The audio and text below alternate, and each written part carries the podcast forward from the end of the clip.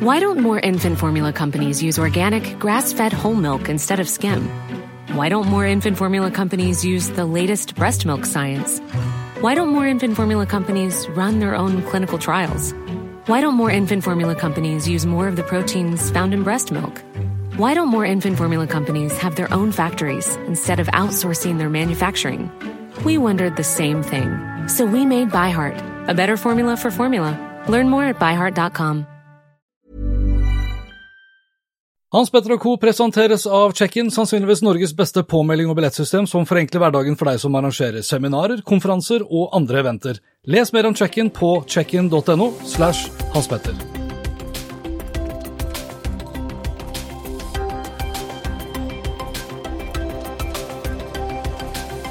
Gjesten min denne gangen var inntil nylig country director for et av verdens største selskaper, og definitivt verdens største søkemotor. Nei, jeg snakker ikke om Sundar Pichai, men country director for Google Norge, Jan Grønbekk. Jan har bl.a. bakgrunn fra Aftenposten og Scandinavia Online, eller Sol. Fra 98 til 2002 så ledet han DoubleClick Norway, som Google kjøpte i 2007. Han har jobbet i TV 2, før han da i 2005 ble country director, som sagt, for Google Norge. Han har også vært styreformann i American Chambers of Commerce og sittet i styret til Komplett Group, og var også sentral i stiftelsen av Young Ambassadors i Norge. I desember 2019 så var det derimot slutt. Da valgte han å takke for seg i Google, og til diggi.no sa han bl.a. at etter 58 kvartal med kontinuerlig vekst for Google Norge og 14,5 år i rollen, har jeg klart å jobbe hos Google lenger enn 99,5% av mine nåværende globale kollegaer. Jeg er stolt og ydmyk over å være vår lengst fungerende landsjef i verden. Og selv om det kan være grunn til å feire, kommer det til et punkt i karrieren der du bare føler at tiden er inne for å gjøre en forandring, og for meg er den tiden nå. Velkommen skal du være, Jan. Tusen takk. Du, vi går rett over til uh, spørsmål. og har, uh, Det første spørsmålet er egentlig to. Uh, hvorfor ble du så lenge, og hvorfor sluttet du? Ja. Nei, eh, jeg hadde jo aldri drømt om å bli så lenge. Så jeg så vel for meg at dette er en jobb du bør ha igjen fire-fem år, kanskje. Det, det ville vært en suksess. Men det, det var så gøy at uh, tiden gikk så fort. Og det er klart, når du er med helt fra starten, du er nummer én, og, og så blir du to, og så blir du fire. og så du føler liksom at du, du blir ikke lei. da. Det er en utfordring hele tiden. Det kommer nye produkter, det er alltid noe å glede seg til osv. Og, så og Eh, så, så, så, sånn var det. Um, så kommer det vel til et sted hvor en startup på en måte ikke lenger føles som en startup. Og, og liksom, det blir mer corporate. Uh, da jeg begynte i Google, var det kanskje 2000 ansatte. Nå er det 200 000 hvis du regner med konsulentene som var leid inn. Ja. Da plutselig en dag så var det liksom Wow, ok. Eh, noe av det jeg syntes var mest morsomt, eh, var ikke lenger eh, kanskje like morsomt. Eh, og eh, jeg tenkte at eh, da er det på tide å gjøre noe annet.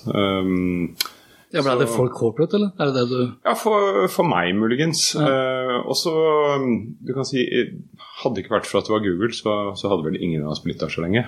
Men det er en sånn magi som bare trekker deg inn i dette her. Sånn du, du, tror på verdiene, du tror på produktene. Du ser at liksom, selskapet er med å forandre verden på en positiv måte. Det har du lyst til å være med på.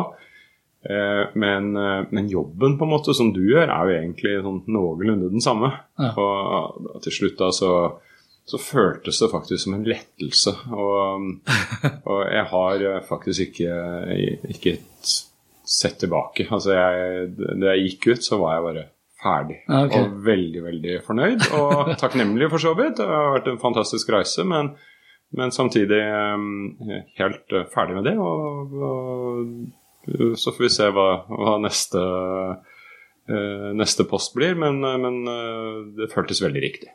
Ja. Jeg, har jo, jeg, har jo, snakket med Lars Bratsberg, ja. som også jobbet eh, flere år i, i, Google, eh, nå i Growth Tribe. Jeg hadde Hanne Lene Dahlgren innom på besøk for en stund siden. Nå, altså Tidligere analytiker i Google, nå vegetarentusiast. Ja.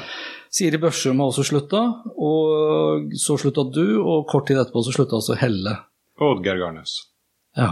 Det er mange, altså. altså. Det er jo ikke så Jeg husker jeg husker Dere kom jo veldig høyt, hvis ikke helt øverst, på sånn type Great Place to Work. og Du, mm. du var jo tidligere ute og flere ganger og sa også at liksom, Google er det stedet du begynner, men aldri slutter. Mm. Det må jo ha skjedd altså, det må ha skjedd mye her?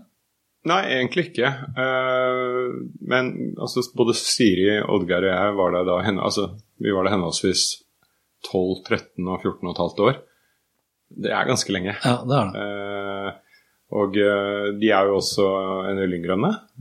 sånn at jeg føler at Eller de føler nok at, at, tiden var inne for dem for å ta det neste skrittet. Ja.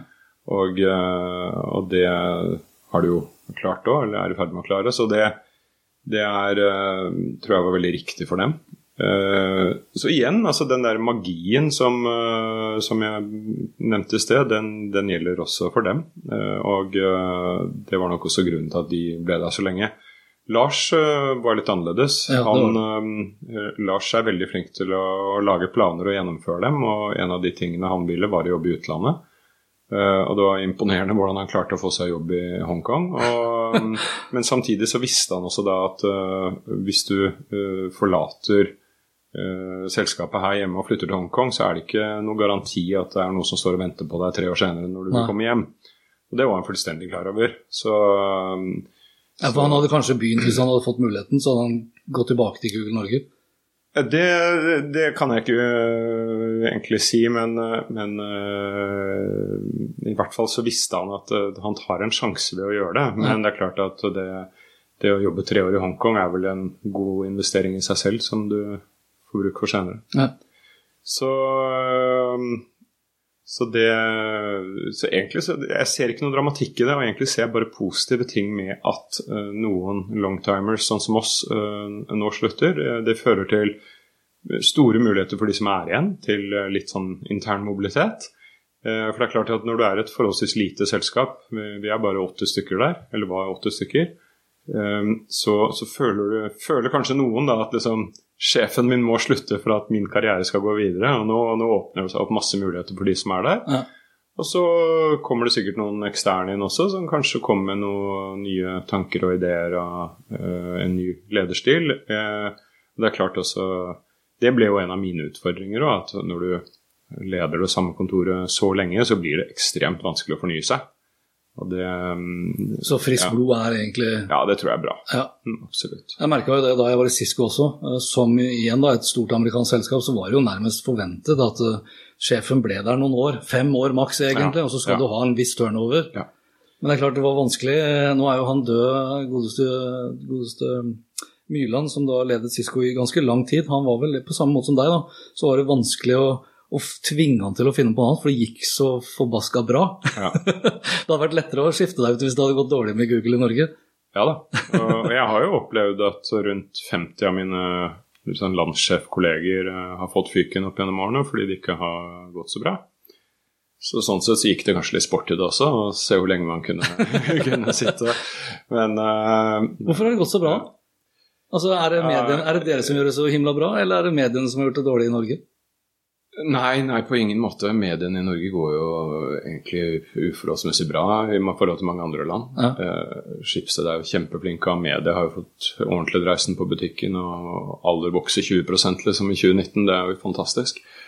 Eh, nei da eh, ja, og betalingsvilligheten til nordmenn til å betale for nyheter ligger vel også i verdenstoppen? Ja, ja, absolutt. Eh, så, så det, det, er jeg ikke bekymret for. Men Eh, Google eh, i Norge har hatt en veldig god og jevn vekst i de årene jeg var der. og det, det er mange altså Internt i Google så, så, spøkte man jo litt med det at ja, ja, du kommer fra Norges, nei, verdens rikeste land, og dere har olje og ha-ha-ha, liksom. og ja. Uh, og det, det, er en viss sannhet i det, selvfølgelig. Uh, men, men, samtidig så husker jeg finanskrisen, som da sant, rammet mange andre land mye, mye hardere enn Norge. Da kuttet jo uh, annonsører i f.eks.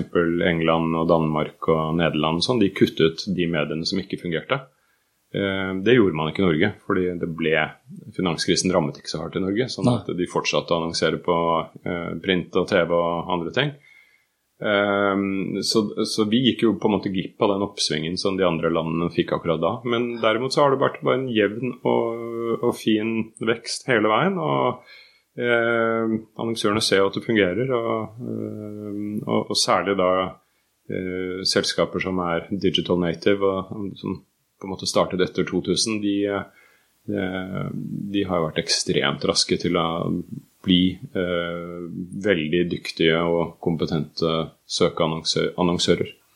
Men altså, hvis, eh, hvis, du sier sånn som at norske medier går bra, og Google går bra, og Facebook går bra, og eh, det totale eh, markedet eh, vokser egentlig ikke i kroner og øre. Det, Nei, det er jeg med på. Hva, hva, er liksom, hva, er egentlig sitsen da? Alle, altså for Norske annonsører bruker ikke i sum så veldig mye mer penger. Nå blir jo Nei, men det er en forskyvning, vet du. Ja. Uh, så uh, jeg er helt enig. Totalkaka er jo egentlig den samme den har vært i 20 år. Ja. Rundt 20 milliarder. Og, og, det betyr jo egentlig at sånn sett har det jo vært en reell nedgang, da, hvis du ser på konsumprisindeksen og sånt. Ja. Men Eh, men det har vært et enormt skifte fra print til digitalt. Fra dyr print til billig digitalt? Ja, og, og, uh, det har jo uh, særlig da Skipsted og, og nå også Amedia og Aller vært veldig flinke til å tilpasse seg til. Mm. Så um, Pluss at man da i også økende grad nå er i stand til å ta brukerbetaling. Så, um, så der tror jeg Norge har vært både Altså tidlig ute og, og, flinke til å ta den overgangen. Og mm, betydelig bedre enn man ser i eh, Frankrike, Spania, kanskje Tyskland mm. osv. Så, det, mm, men totalen ikke, har ikke, økt, men det trenger det kanskje ikke å gjøre. Så Marginen er mye høyere på nett. ikke sant? Så, så det, eh, men det har vært en forskyvning, og det er jo forbrukerne som da har stått i bresjen for det. Det er jo de som bestemmer. Ja, det er jo det. Du, altså, du er jo en mann med syns jeg da, med mange gode sitater. Du har jo vært ganske mye i mediene og vært ganske tydelig i uttalelsene. Jeg har brukt et sitat uh, ganske ofte i, uh, i, mine foredrag, som er noe i retning av 'dagen i dag er den mest komplekse dagen i ditt liv', samtidig så er det den minst komplekse dagen i resten av ditt liv. Det gjelder fortsatt, gjør det ikke? Ja, og det, det er jo ment til næringslivsledere. Ja, ja. Så for så vidt forbrukere òg, kanskje. Men, men, først og fremst eh, næringslivsledere. Og det, mm, det gjelder i aller høyeste grad. Og det, det kommer sikkert bare til å bli, bli verre for hver dag som går. Ja. Ja. Men syns du vi er gode i Norge til å tilpasse oss eh, Altså adapt or die har du også ofte sagt. Ja. Nei, eh, ikke alle. Eh, vi er litt sånn complacent fordi det går så bra her. Det er veldig mange som sier til meg at men ærlig talt, Jan, eh, året i fjor var det beste året i selskapets historie. Eh, det, det, er ingen grunn til å, å, forandre på det jeg gjør, liksom. Alt jeg gjør, er riktig. Mm. Eh, og det jeg tror jeg er en veldig skummel holdning. For altså, jeg, jeg tenker tilbake på 96 var det vel. Da, da Kjell Aamodt uh, i Skipsted klarte å overtale Tinus Nagel Eriksen til at nå skulle de kappe topplinja i Skipsted, uh, flytte liksom, rubrikk over på, på nett, for på den måten å bygge for fremtiden, det er helt klart, syns jeg, mediebransjens største genistrek. og og det viste seg i ettertid, det var helt genialt. Det ble en Harvard-case ut av det. Liksom. det eh, og, og, posisjonerte da Skipsted for, for videre suksess eh, i disse dager. Det burde veldig mange andre lære av, eh, mm. særlig innen retail. Jeg sitter jo i, styr, sentralstyret i Virke. Og vi ser jo at uh, de siste årene så har det gått sånn mellom 500 og 1000 uh, handelsbedrifter konkurs uh, hvert år. Ehm, det er en trend som kommer til å fortsette, og, man kan ikke bare skylde på MDG i den sammenheng. Det er, eh, så det er ikke bare at eh, Oslo stenges for biltrafikk som gjør at, det går dårlig. Det er igjen et skifte til, eh, til e-handel osv. Og, og, og her er det veldig mange som ikke har tatt dette inn over seg. Se hvordan sportsbransjen sliter i dag. Vi har vært på dem i årevis for å prøve å hjelpe dem, og de bare Nei, nei, dette kan vi. Ehm, bare hold kjeft, liksom. Og, og nå så sitter de der med skjegget i postkassa. Så, så, nei, eh, majoriteten av norsk næringsliv har ikke tatt inn over seg den forandringen som eh, kommer, og, og, og, er nødt til å, å reagere nå mm. eh, raskt. Men tror du, sånn som vi, hvis vi tar, hvis vi tar Google og Facebook da, som en sånn duopol som dominerer innenfor digital annonsering. Du kan jo si det globalt. Ja, globalt. Ja, absolutt. Så, og, og, og overetableringen f.eks. i sportsbransjen, for det er jo en av årsakene til at det mm. rakner som pokkeren her nå. I tillegg til at de kanskje ikke har ja, investert nok i type teknologi som hever brukeropplevelsen og bla, bla. Mm. Men det er ganske mye som peker i retning av at mangfoldet blir eh, begrenset. At det er noen få, altså Alle prater om de store plattformvinnerne. Eh, vil ikke det også etter hvert gjelde i alle typer bransjer? At det blir litt mindre mangfold? Det blir færre uavhengige butikker og store kjeder som da er de eneste som kan vinne i et uh, omnikanalløp, da? Nei, jeg, jeg, håper ikke det. Jeg tror egentlig ikke det heller. Jeg tror at uh, Jeg vil heller snudd på det. Jeg har tenkt at er du en relativt liten aktør i Norge, en litt sånn nisjeaktør, så bør du heller se at uh, du har et globalt potensial, og ikke bare et norsk potensial. Ja. Uh, så det, det, er godt mulig at uh, en stor aktør, altså XXL er et dårlig eksempel, men la oss si XXL, da, at de kunne ut, utkonkurrert bullski og kajakk, for å si det sånn. Men samtidig så er bullski og kajakk et ti ganger bedre sted å handle langrennsutstyr enn XXL. Okay. fordi de får velge først fra, fra uh, Fischer, fra Matshus, fra Atomic og osv. Så, okay. så de har de beste skiene, enkelt og greit. For de, for de er veldig bevisste, da? Ja, for, nettopp. Ja. Men det finnes mange bevisste mennesker uh, rundt omkring. ja. eh, sånn at uh, hadde jeg vært uh, altså Nå var jeg nettopp i Alpene en måned, og jeg var innom en del sportsbutikker som hadde ekstremt dårlig utvalg på langrennsski og, og relativt lav kompetanse også. Eh, hadde jeg vært forbruker i Sveits og skulle hatt langrennsski, så hadde jeg kjøpt det på nett fra Bull Ski og Kajakk. Uh, men det, er, den muligheten er ikke der, ikke sant? Uh, men uh, Så det er mulig å, å tenke annerledes. Og, og, egentlig så er jo nesten alle bransjer bare mer fragmentert. Det fins flere tilbydere. Og igjen, ikke sant, se på med mediebransjen. Uh, utrolig mange aktører, men med, med relativt uh, liten andel av uh, bruken i forhold til hvordan det var. Mm. Så ja, det Ja. man ser jo det på Man ser jo noen av de globale tendensene også i Kall det TV, da. Det, altså ikke lineært nødvendigvis, men TV 2 Sumo f.eks., som tidligere har liksom hatt norske konkurrenter innenfor strømmarkedet, har jo mm. definitivt internasjonale konkurrenter og får nesten litt hjelp på mange måter også fra Kulturdepartementet, nå som Netflix og HBO de må liksom heve andelen mm. norsk-nordisk innhold. Mm. Mm. Og det er klart Hvis du er da en Mastiff eller en Monster eller uh, The Oslo Company, og du kan velge liksom mellom ja, det programmet her kan jeg selge til Netflix eller jeg kan selge til Sumo, så tror jeg de fleste vil antakeligvis velge Netflix. For det vil de antakeligvis tjene mer penger på. Og da vil jo det også igjen da, såre det lokale mangfoldet. Tror du ikke det?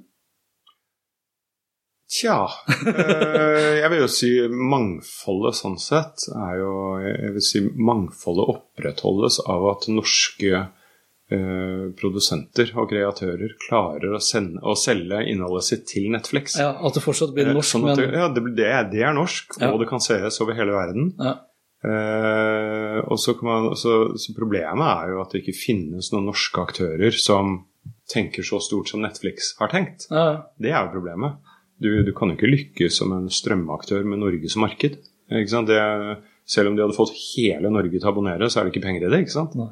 Så, um, så det, det, tror jeg er vanskelig. Når det er sagt, altså vi ser jo noen litt sånn tøffe grep. Uh, noe, Discovery i Danmark f.eks. gikk av lineær TV nyttår uh, som første lineære TV-kanal, og er bare en strømmekanal. Mm. Det er, jeg tror ikke det er nødvendigvis helt av frivillige, uh, men det er uh, pga. grådigheten til distributørene. Uh, men, men, de er nå kun en strømmetjeneste. Og det kan godt være vi kommer til å se mer av det fremover. Det er vel snakk om i dag at, at Discovery forsvinner fra Get-boksen i, ja, i, i Norge. Eh, så um, Og der er det en bransje som er eh, altså så lite customer centric at det er jo interessant å sitte og observere på sidelinjen. det er ganske lenge siden. Jeg er jo Get-kunde sjøl, men det er bare fordi at jeg har ikke noe valg. Ikke sant, og altså, det er jo helt tragisk. Ja. Altså, du, du, blir jo fanget av et selskap som bare bytter navn hver gang de blir så upopulære at uh, ikke sant? Ja. Det var siden het Janko, ikke sant?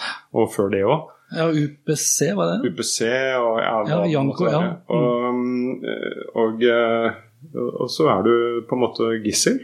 Uh, men Så her tror jeg det, det, kommer til å Altså det kommer til å presse fram nærmest et eh, forbrukeropprør, både tror jeg og håper jeg, mm. i form av at man bare går over til å strømme alt. Så jeg har, kutta, jo, jeg kutta Get sin boks, da, så det eneste mm. jeg har fra Get, er Coax, for jeg har fortsatt ikke fått fiber oppi her. Nei, eh, det tror jeg er på vei. Ja. Eh, og så, så, er jo spørsmålet kommer fiber raskt nok til at jeg eventuelt heller bare dropper det og går over til 5G f.eks. Ja, ja. som mobilt.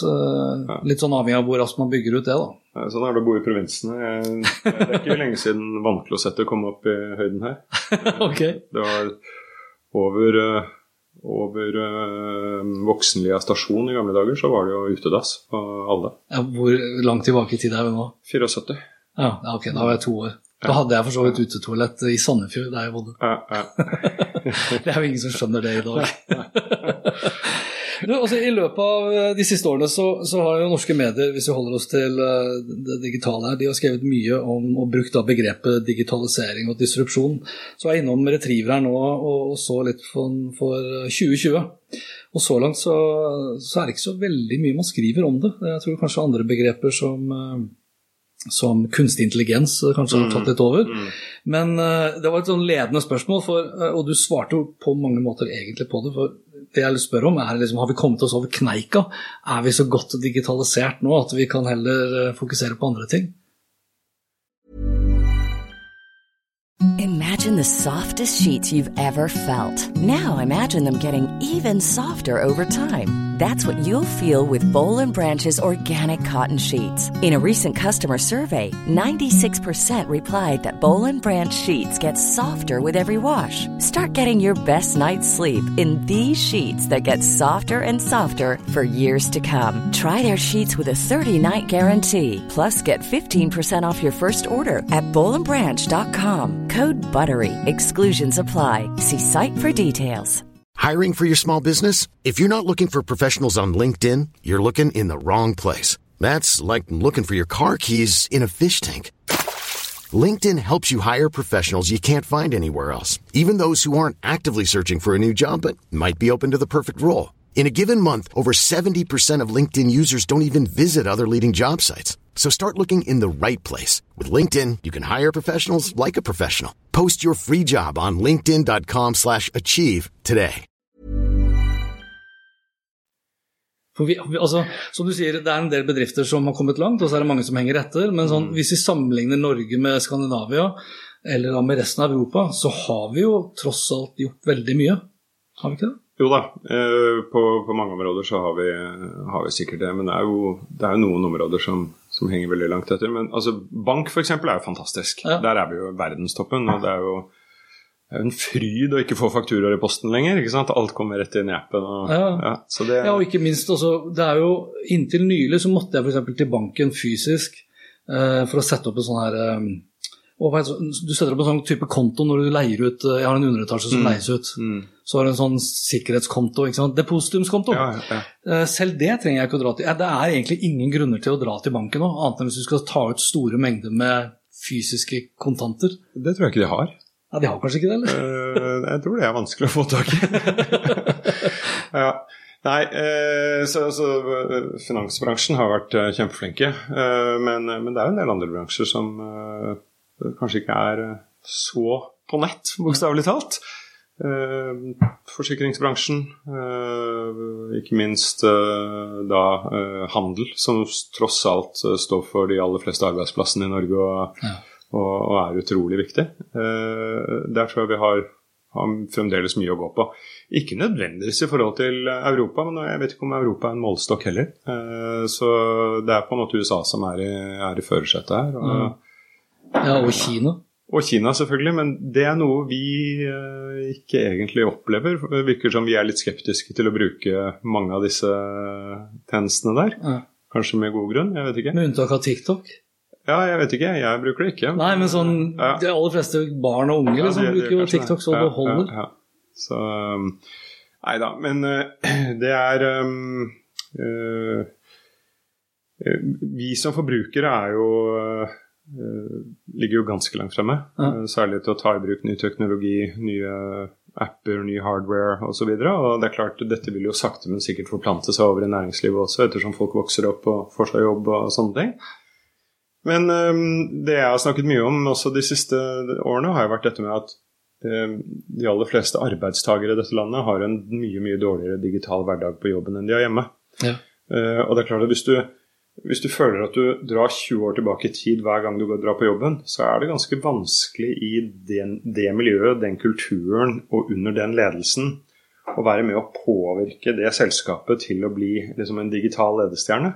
Eh, det, det, tror jeg er veldig vanskelig. Mm. Eh, liksom når du sitter der med din gamle Lenovo-maskin og, og, liksom eh, lagrer ting på harddisken, og sikkerheten er nedprioritert og Ja, ja og dataene er liksom samlet lokalt litt her og der. Ja, ja, ja. Det, mm, hvordan skal du da kunne bli en, eh, en leder, for å si det sånn? Det, det tror jeg var. Ja, for det, det, stusser meg litt sånn, for de aller fleste som da jobber i selskap, om de er ledere eller mellomledere eller durer, kall det hva du vil, så er de jo privatpersoner hjemme.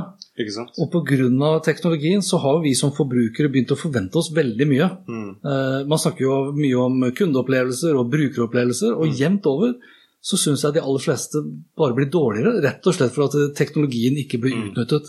Og Da skjønner jeg ikke hvorfor de kan sitte, altså, som jeg, da, eller du for den saks skyld, om vi sitter hjemme og kan klage over om det er SAS eller Komplett som fortsatt ikke mm. syns jeg bruker dataen til noe særlig fornuftig. Mm. Det opplever antakeligvis de også som jobber i Komplett overfor andre tjenester som de handler hjemme. Mm. Hvorfor liksom ikke de tar med seg den innsikten? da? Eh, tilbake til egen arbeidsplass og tenker det må, For det må jo være den enkleste måten mm. å faktisk da vokse virksomheten sin på. Mm. Absolutt. Absolutt. Er det, er det latskap? Jeg så en sånn dansk, ah, yeah. nei, det var en finsk leder som sa at han frykta Amazon mest av alt, ikke fordi Amazon var så gode, men fordi norske retailere var late. Mm. Er det latskap? Ja, jeg, jeg, jeg, tror det er litt som jeg sa i sted, litt sånn complacency. Altså Det går så bra her at det er ingen som føler kniven på strupen og, og, må gjøre noe. Uh, jeg bare um, ta hotellbransjen som eksempel. Um, la oss si uh, et hotell som jeg kan ha bodd på 10-15 ganger. Hver gang jeg kommer dit for å sjekke inn, så er det Hei, velkommen til oss. Har du vært der før? Ja. Bare, øh, ja. ja, Katrine. Jeg husker du meg ikke? Og så ja, kan du være så snill å fylle ut det skjemaet her. Så bare sånn Egentlig ikke, for det har jeg gjort en del ganger. Ja, Det har dere et eller annet sted? Ja, og så masse, masse sånne ting ikke sant, som er utrolig irriterende. Uh, nå som sagt var jeg nettopp uh, på en måneds alpestur, og da, den, da, kjørte vi ned. Og så bestemte vi ikke hvor vi skulle før vi så hvordan været ble der vi hadde lyst til å dra. Mm. Så vi satt liksom ja, Verbier eller Sanat, og så så vi på Yr, og så bare Nei, vi drar til Sanat. Og så gikk vi inn på booking.com, og så booket vi hotellet. Og så kommer du dit. Greit. Uh, da Og det Booking er jo helt fantastisk, ikke sant. Det er, det er, en grunn til at de har blitt verdens største annonsør ja. av alle annonsører i verden. Ja, de er det. Ja. Og, ehm, og eh, så eh, så sjekker du inn, bor der, sjekker ut. Og da vet du stort sett at det hotellet du har bodd på, har ikke filla peiling på hvem du er, og hva du er, og, ikke sant? Mens Booking har full kontroll. Mm. Og at en hel bransje samlet kan velge å gi fra seg kontrollen på den måten, det er en skandale. altså, det er helt vilt.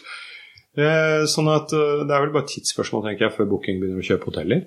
Og, ja. og vips, så, så eier, har de bukta av begge ender, liksom. Det, men eh, ja, og selvfølgelig Amazon. 13% av all e-handel i Norge er på Amazon, og de er ikke her.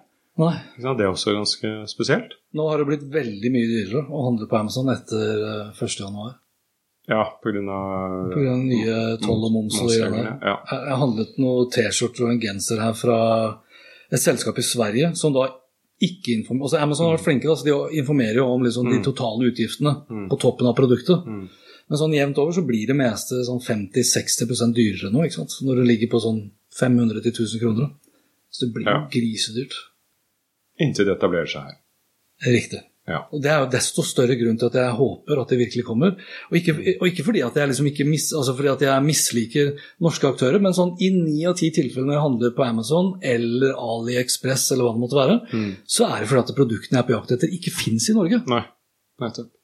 Og så leveres det forholdsvis raskt. Ja. Det, det er greit. Og så er Amazon veldig flinke da, til å, som du, som var inne på der med booking også, de begynner å kjenne deg ganske godt, og de vet mm. hvilke produkter de bør mm. tilby deg. Mm. Litt som jeg har snakket om når det kommer til Komplett også, som jeg tross alt har vært kunde av siden Erik Santer etablerte mm. Elesjappa, mm. så får du og jeg den samme nettsiden uh, når vi skal inn og handle. Ja. Det er veldig lite, hvis ingenting, tilrettelagt for meg. Mm.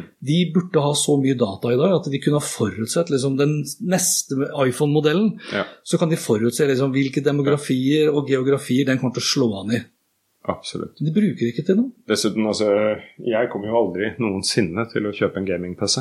Uh, men likevel så er det det jeg blir bombardert med hele tiden. Så det, ja, ja. det er helt sant. Og da blir jo da blir makta, som du sier, eh, den blir jo i større grad sentralisert på noen få aktører som er gode på det gullet. Mm, mm. SAS også, som flagget mye tidligere. Ja, vi, skulle bli, liksom, vi, skulle, vi, vi, driver med fly, men vi skal bli en helt annen type forbrukeraktør. Du, og så bestiller du deg en flyreise til eh, Ålesund, og så flyr du videre til Trondheim, og så har du booka deg fra Trondheim til Oslo. Så får du e-post fra SAS om uh, hvor du kan leie bil og hvilke hoteller i Oslo. Ja, ja, ja. Selv om de vet at du bor i Oslo. Nei, det, det er helt uh, Jeg syns det er pussig. Det, det, var litt morsomt da de lanserte den nye nettsiden sin. hvor de, Da fikk de jo også dagbøter pga. Uh, manglende inkludering av uh, av funksjonshemmede. Ja, universell utforming, ja, stemmer det. Men, um, men, uh, det morsomste da var jo at uh, de SAS-ansatte sendte ut en hemmelig link til classic.sas.no, slik at du kunne, fremdeles kunne få bestilt billetter, for den, den nye var jo helt horribel. ikke sant? Ja. Bare det i liksom uh, type 2018 lansere en ny nettside uten å ha testet den grundig på forhånd, sånn at du vet hva du gjør dette, det, dette, har vi sett eksempler på igjen og igjen og igjen. Store forsikringsaktører, store reiseaktører. Bare lager en ny nettside og sier ja, den var fin, den lanserer vi. Og så er den fullstendig ubrukelig det sekundet den blir lansert. Ja. Det er helt, helt utrolig. Men hvilke, hvis vi skal se litt sånn på teknologitrender, for du har jo vært opptatt av teknologi. Hva er de neste årene, tror du, eh, samfunnet Og da, når jeg mener samfunn, så er det både liv og næringsliv vil, eh, hvilke mm. teknologitrender vil prege? Tro, altså, tror du på Googles quantum computing, supremacy? Ja da, men Progresjon? Eh, det, jeg tror, eh, selv om de skulle hatt noe store gjennombrudd nå i oktober, var det vel, ja. så tror jeg det er et godt stykke fram i tid. Og det er klart, når den tid kommer, altså når quantum computing blir allemannseie, så da, da, må vi uh, rethink det meste av det vi driver på med. Altså, ja. Da fungerer jo ikke kryptering lenger, f.eks. Ikke sant? Uh, Nei. Uh, altså det, det, blir en helt, helt annen verden. Men på kort sikt, eh, nå snakker vi om de neste 10-20 årene, så Ja, Det syns jeg er lang sikt i en ja, verden som endrer så raskt. Men du vet, vi, vi, har en tendens å undervurdere effekten av ting på kort sikt, overvurdere, eller overvurdere på kort sikt og undervurdere på lang sikt. Ja. Men, men, akkurat når det gjelder quantum computing, så tror jeg vi er uh, i, helt, helt, helt i starten. Eh, men det er ikke mitt fagfelt, så det er det mange andre som er mye bedre til å, å snakke om. Men um, nå på, på, helt kort sikt så tror jeg altså vi, vi, kommer til å se en ganske stor investering i kunstig intelligens og maskinlæring fremover. Jeg tror det kommer til å påvirke alt fra annonsering, som det allerede har begynt å gjøre. Mm. Uh, altså at annonseselgerens tid er forbi, på en måte. Eh, dette blir eh, teknologer som snakker med andre teknologer, som sitter og optimerer og, og, og tweaker og får ting til å fungere. Så f.eks. så tror jeg at eh, det er godt mulig at vi ikke kommer til å se en, en kronemessig vekst i den digitale annonseringen fremover. fordi annonsørene kommer til å få mye mer ut av de kronene de bruker, og kan sannsynligvis også redusere spenden mm. eh, fremover. Og det, det, tror jeg egentlig er bra. Eh, for det kastes bort mye penger fremdeles. Eh, så det, det, kommer vi til å se mer av. Vi kommer til å se mer av eh, ja, stemmestyrte ting. Uh, du, du, kan vel styre bilen din med stemmen. Altså det, det tar litt tid. Ja, Snart kan du styre det meste. Ja. Dette kommer bare til å bli bedre og bedre, selv om da selvfølgelig tradisjonelle aktører som uh, bilbransjen generelt uh, stritter jo imot, ikke sant? Mens, mens, Tesla på en måte fører an. så men at det kommer, det er det liten tvil om. Ja. Hva tenker du om sikkerhet, da? IT-sikkerhet? Eh, vi kommer til å se et eh, gigantisk flytte til nettskyen. Eh, det opplevde vi de siste fem årene, så, så har det gått fra å være liksom Å nei, skal ikke nettskyen, det er livsfarlig. ikke sant? Til ja, dette må vi absolutt vurdere. Til vi kan ikke komme oss til nettskyen fort nok. Mm. Fordi vi så på hva, hva, som skjedde med Hydro, vi så hva som skjedde med masse andre aktører. Dette kommer bare til å eksplodere. Og hadde de vært i skyen, så hadde det ikke, hadde ikke skjedd. Mm. Eh, så først og fremst eh, sikkerhet. Selvfølgelig også samhandling og, og, og økonomiske besparelser. Men, eh, men, sikkerheten er det som kommer til å pushe alle sammen over i, i skyen. Ja. Og det vil også da igjen føre til at da har folk som går på jobben sin, sjansen til å kanskje få en like god digital hverdag på jobben som de, som de har hjemme. Så det, det, tror jeg vi kommer til å, å se. Og så ja. Tror, tror du, vi har, vi har snakket mye om hvor, eh, hvor, mange arbeidsplasser som forsvinner etter hvert som teknologien tar over. Ja. Og så er jo spørsmålet da liksom Er det et zero game her? Vil, vil vi klare å skape flere arbeidsplasser enn teknologien tar livet av osv.? I høyeste grad. Ja. Mm. Um, Vet du, I dag så sier de at det er ca. 10 000 mennesker som uh, har en viss kompetanse innenfor kunstig intelligens. Uh, det burde vært 10 millioner. Mm. Ikke sant? Uh, så det kommer til å være et enormt behov for mennesker innenfor den sektoren. de jobbene som forsvinner, er det vi kaller dirty dollar and dangerous. Ikke sant? Så um, det at f.eks. folk skal jobbe med å kjøre ting eller mennesker fra A til B, det er jo egentlig helt idiotisk. Det er kjedelig, og det er farlig. eh, og, og, det utsetter andre for fare. Eh, så, så, det vil jo sikkert bli erstattet. Men, eh, men igjen, uh, dette har vi vært gjennom før, og i hver eneste sånn uh, transitional face, liksom, så har det jo dukket opp dobbelt så mange jobber på andre siden, egentlig. Ja. Og det tror jeg vi kommer til å, oppleve nå. Ja, og, det, og det skjer jo ikke over natten. Det er ikke sånn uh, alle, alle, taxier blir kjørt av en sjåfør. Uh, nei, nei, men 3. mars, 4. mars, så er det ingen som gjør det. Husk uh, altså, Da jeg begynte i Aftenposten i 94, da, så hadde du typografer. Det var ikke det lenger. Uh, du hadde folk på setteriet. som satte disse blyplatene, ikke ja, ja. og hva, hva det nå måtte være. du hadde korrekturlesere. Det tror jeg ikke du har lenger. Det burde de ha. ja, de burde ha det, men, men, eh, men, igjen, det blir sikkert også mer og mer automatisert. Så, eh, så i, i, dag så sier man vel at uh, ca. 20% av de jobbene som nordmenn har i dag, de fantes ikke for 20 år siden. Nei. Om 20 år så vil sannsynligvis ingen av de jobbene folk gjør, være jobber som eksisterer i dag. Um, de sier at de, dagens seksåringer som begynner på skolen, skal alle sammen ha jobber som i dag uh, ikke fins. Ja.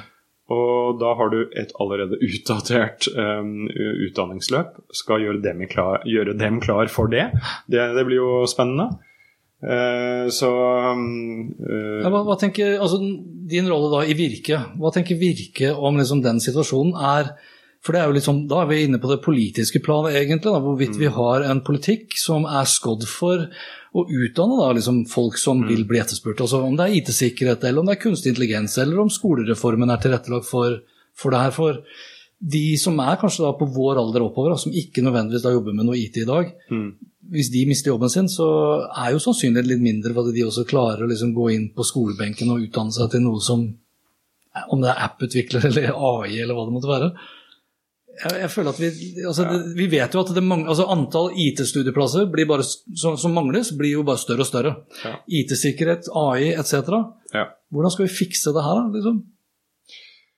Uh, jeg, det var mange spørsmål. jo, jo, men, men uh, da uh, Googles tidligere styreformann og tidligere CEO Eric Schmidt var i Europa, eller var i Norden for 2017 eller noe sånt, så, så samlet vi en uh, gjeng med norske og svenske næringslivsledere rundt et bord. Og så var det en sånn, en sånn roundtable discussion. Og da husker jeg Sigve Brekke spurte um, Eric Schmidt om hva, hva hans uh, anbefaling til, til, Norden ville være.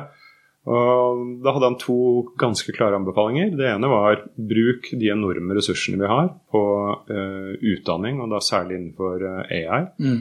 Og, og da ser vi så bare Han viste eksempelet ETH i Zürich, som var en sånn NTNU-aktør i Sveits. Et, et teknisk universitet. De bestemte seg for 10-15 år siden at de skal bli verdens beste institusjon for å utdanne ingeniører. Nå er det det. Mm.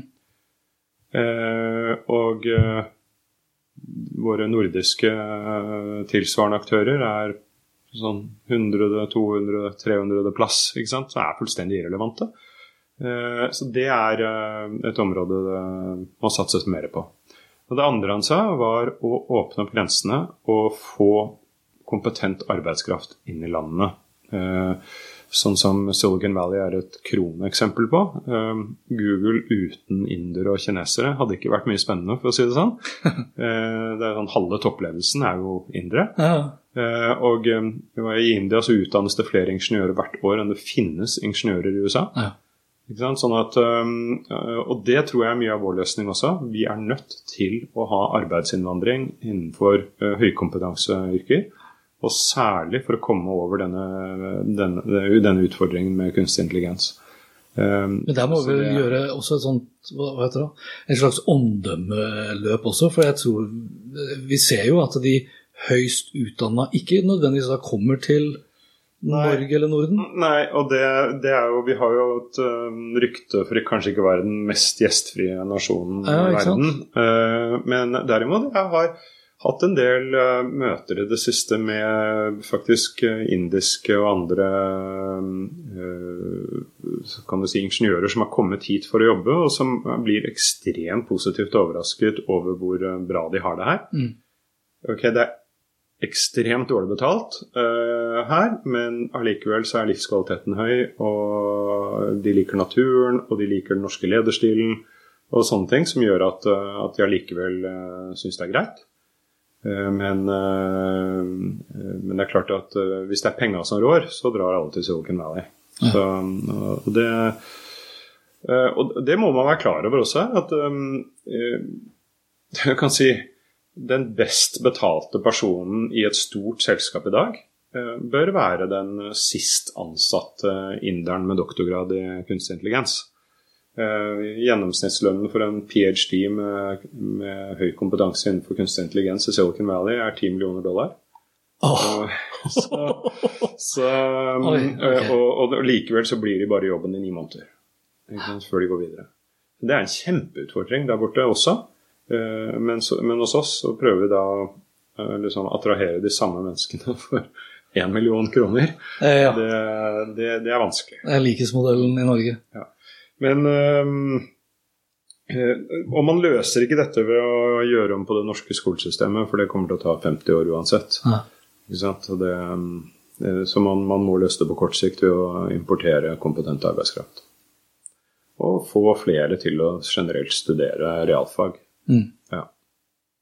ja. Men det går, det jo, vi ser jo ikke nødvendigvis at det er den veien det går. Nei, vi, vi gjør ikke det, altså. Dessverre. Men er det litt sånn tilbake til det der adapt or die, hvor det er få Du nevnte jo Schibsted som et eksempel på på et selskap som da tilpasser seg før man blir tilpasset, altså tvunget mm. ufrivillig tilpassing. Mm, mm. Og Det er jo litt sånn som mennesker generelt sett er skodd sammen, at vi gjør ikke endring før vi må. Da. Nei, jeg, jeg, hadde en utrolig spennende sjef de første ti årene jeg var i Google, som het Nikesh Arora. Han er i dag sjef for Palo Alto Network, som er et av de største sikkerhetsselskapene i, i verden. Mm. Eh, og hatt en ganske spennende reise. Altså, han kom til USA med 400 dollar i lommen og, eh, som liksom nedre middelklasse i India, og endte opp som en av de topp fem best betalte CEO-ene i verden eh, i dag. Eh, fantastisk spennende fyr.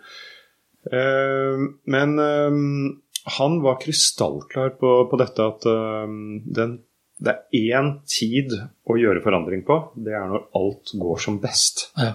Liksom, egentlig når selskapet trenger det aller minst. Det er da du har både økonomiske ressurser og også fred og ro til å gjennomføre de forandringene.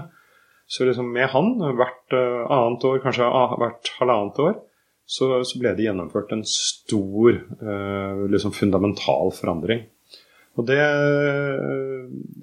det, det var selvfølgelig litt sånn smertefullt noen ganger, men det var på en måte noe av Googles DNA. Det er liksom Forandring er Eh, er Google, og Google er forandring, og det må du like for å kunne, kunne jobbe der. Mm. Så det ble liksom, Da han sluttet, så ble det sånn du gikk hele tiden og ventet på en forandring. fordi Når kommer neste reorg? liksom, når, kommer, når skal vi gå i en annen retning? så, um, så men, men, der uh, tror jeg mange kunne hatt uh, mye å lære. Og Skipsted-eksempelet er jo uh, akkurat i hans ånd, da, for å si det sånn. Det, for det gikk jo i 96 så gikk jo alt dødsbra i den trykte pressen, ikke sant? Ja, ja. Og likevel så, så, klarte de å gjennomføre det, og det var helt genialt. Vi er jo kjent for å melke liksom maksimalt. Men altså, Man skal jo selvfølgelig melke fortsatt, da, ut av det man kan. Men som du sier, tilpasse, altså jobbe da i et sånn parallelt spor. Ja, det går an å ha to tanker i huet på en gang. Ja. Absolutt. Og time det, selvfølgelig. Det er jo den store kunsten. Ja. Og da er det jo som mange selskaper også gjør. ikke sant? De starter eh, et eh, la oss si et eh, disruptivt eller konkurrerende selskap ved siden av. Mm. Sier ok, prøv å ødelegge vår eksisterende business. Flytte inn på Mesh og sette i gang. Se hva dere får til. Det kan jo være en start for mange. Ja. Så, og det er det jo en del som gjør. Det, det er, det er fåtallet. Det, det, er det. Jo da, det er fåtallet. Men hvis du går rundt på disse startup-stedene i byen i dag, Episenter f.eks., ja. så sitter det en rekke etablerte navn der nede. Altså Coop, eh, type ja. Rema eh, osv. Som da uh, har en gjeng der som, som skal eh, disrupte den gamle eh, businessen. Og det, mm. det, tror jeg er veldig sunt. Du, vi skal runde her nå, og jeg må jo spørre. Mm. Hva gjør du fremover? Nå har du prata så mye positivt om Skipsted. Skal du tilbake til Skipsted? Liksom? Nei, jeg, jeg, har ikke tenkt på det. Jeg, jeg har alltid vært Skipsted-fan. og jeg er litt sånn um, Jeg husker vi hadde det begrepet da jeg jobbet der, at vi hadde trykksvert i årene. Men jeg har nok litt, litt av det ennå. Jeg, jeg, er veldig opptatt av at pressen skal ha gode rammevilkår i årene som kommer. Og uten dem så så klarer vi oss ikke. Uh, og du ser jo nå Hele pressen tar jo etter deg. Nå har jo VG har vel fem podkast, og Aftenposten har en haug. Det, ja. det er kjempebra. Um, Takk for den. ja, men, men, uh, men Nei, jeg, jeg um, Vet du hva, jeg har ikke bestemt meg helt ennå. Det, det, som var litt viktig for meg, var først og fremst å um, bare lande litt. Uh, Eh, prøve å tenke meg om litt og navigere og, så, og, se hva som skjedde, for å si det sånn. Altså, mm.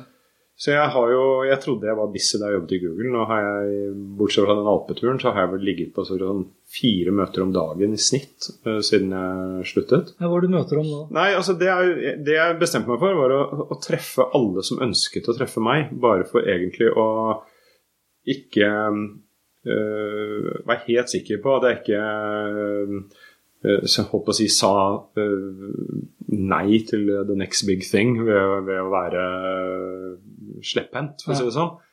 Så pluss at jeg, jeg, tenkte for å finne ut hva jeg har lyst til å gjøre, så kanskje jeg skal bruke ekskludering, ekskluderingsmetoden.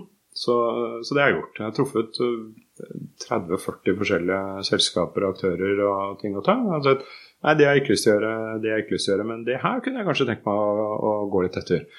Men jeg tror nok Uh, altså Det er jo ikke sånn at når du slutter en sånn jobb, at det står uh, ti spennende stillinger og venter på deg.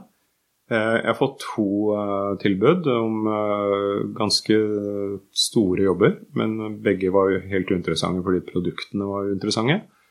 ja, For du må jobbe med noe som du har en passion for? Ja, du skal helst kunne se barna i øynene, liksom. Altså, så det er noen bransjer jeg ikke skal i, liksom. Sånn type olje, våpen, porno, forbrukslån. Altså det, ja. det, er, det, er, ikke bra. Uh, men uh, men så jeg holder den døren åpen, men det er ikke sikkert at jeg skal tilbake i hamsterhjulet og ha en 8-8-jobb som jeg har hatt nå i 15 år. Ja. Det, kanskje ha en friere rolle, vi får se. Men at det kommer til å være innenfor disrupsjon, teknologi, kanskje et eller annet som er litt mer meningsfylt, altså kanskje et eller annet innen fornybar eller noe sånt noe, det, det, er godt mulig. Men, men jeg tror aldri jeg kommer til å selge annonser igjen. Eller det vet jeg. Det kommer jeg aldri til å gjøre. Altså, nå har jeg solgt det som funker i 15 år, og jeg eh, tror jeg ville ikke hatt mye kredibilitet hvis jeg skulle gått ut og pusha et, eh, et mindre effektivt produkt. Hans Petter og Co. presenteres av Check-in, sannsynligvis Norges beste påmelding og billettsystem som forenkler hverdagen for deg som arrangerer seminarer, konferanser og andre eventer. Les mer om Check-in på checkin.no slash Hans Petter. Why don't more infant formula companies use organic, grass-fed whole milk instead of skim? Why don't more infant formula companies use the latest breast milk science? Why don't more infant formula companies run their own clinical trials? Why don't more infant formula companies use more of the proteins found in breast milk? Why don't more infant formula companies have their own factories instead of outsourcing their manufacturing? We wondered the same thing. So we made ByHeart, a better formula for formula. Learn more at byheart.com. My business used to be weighed down by the complexities of in person payments. Then, Tap to Pay on iPhone and Stripe came along and changed everything. With Tap to Pay on iPhone and Stripe, I streamlined my payment process effortlessly. Now I can accept in person, contactless payments right from my iPhone. No extra hardware required. What's truly remarkable is how I can cater to all of my customers' payment preferences. Whether they're using cards, Apple Pay, or other digital wallets, Tap to Pay on iPhone and Stripe ensure a smooth checkout experience every time. And it's not just me. Stripe helps businesses of all sizes, from local markets to global retailers, scale quickly and stay agile. To learn how Tap to Pay on iPhone and Stripe can help grow your revenue and reach, visit stripe.com slash tap iPhone.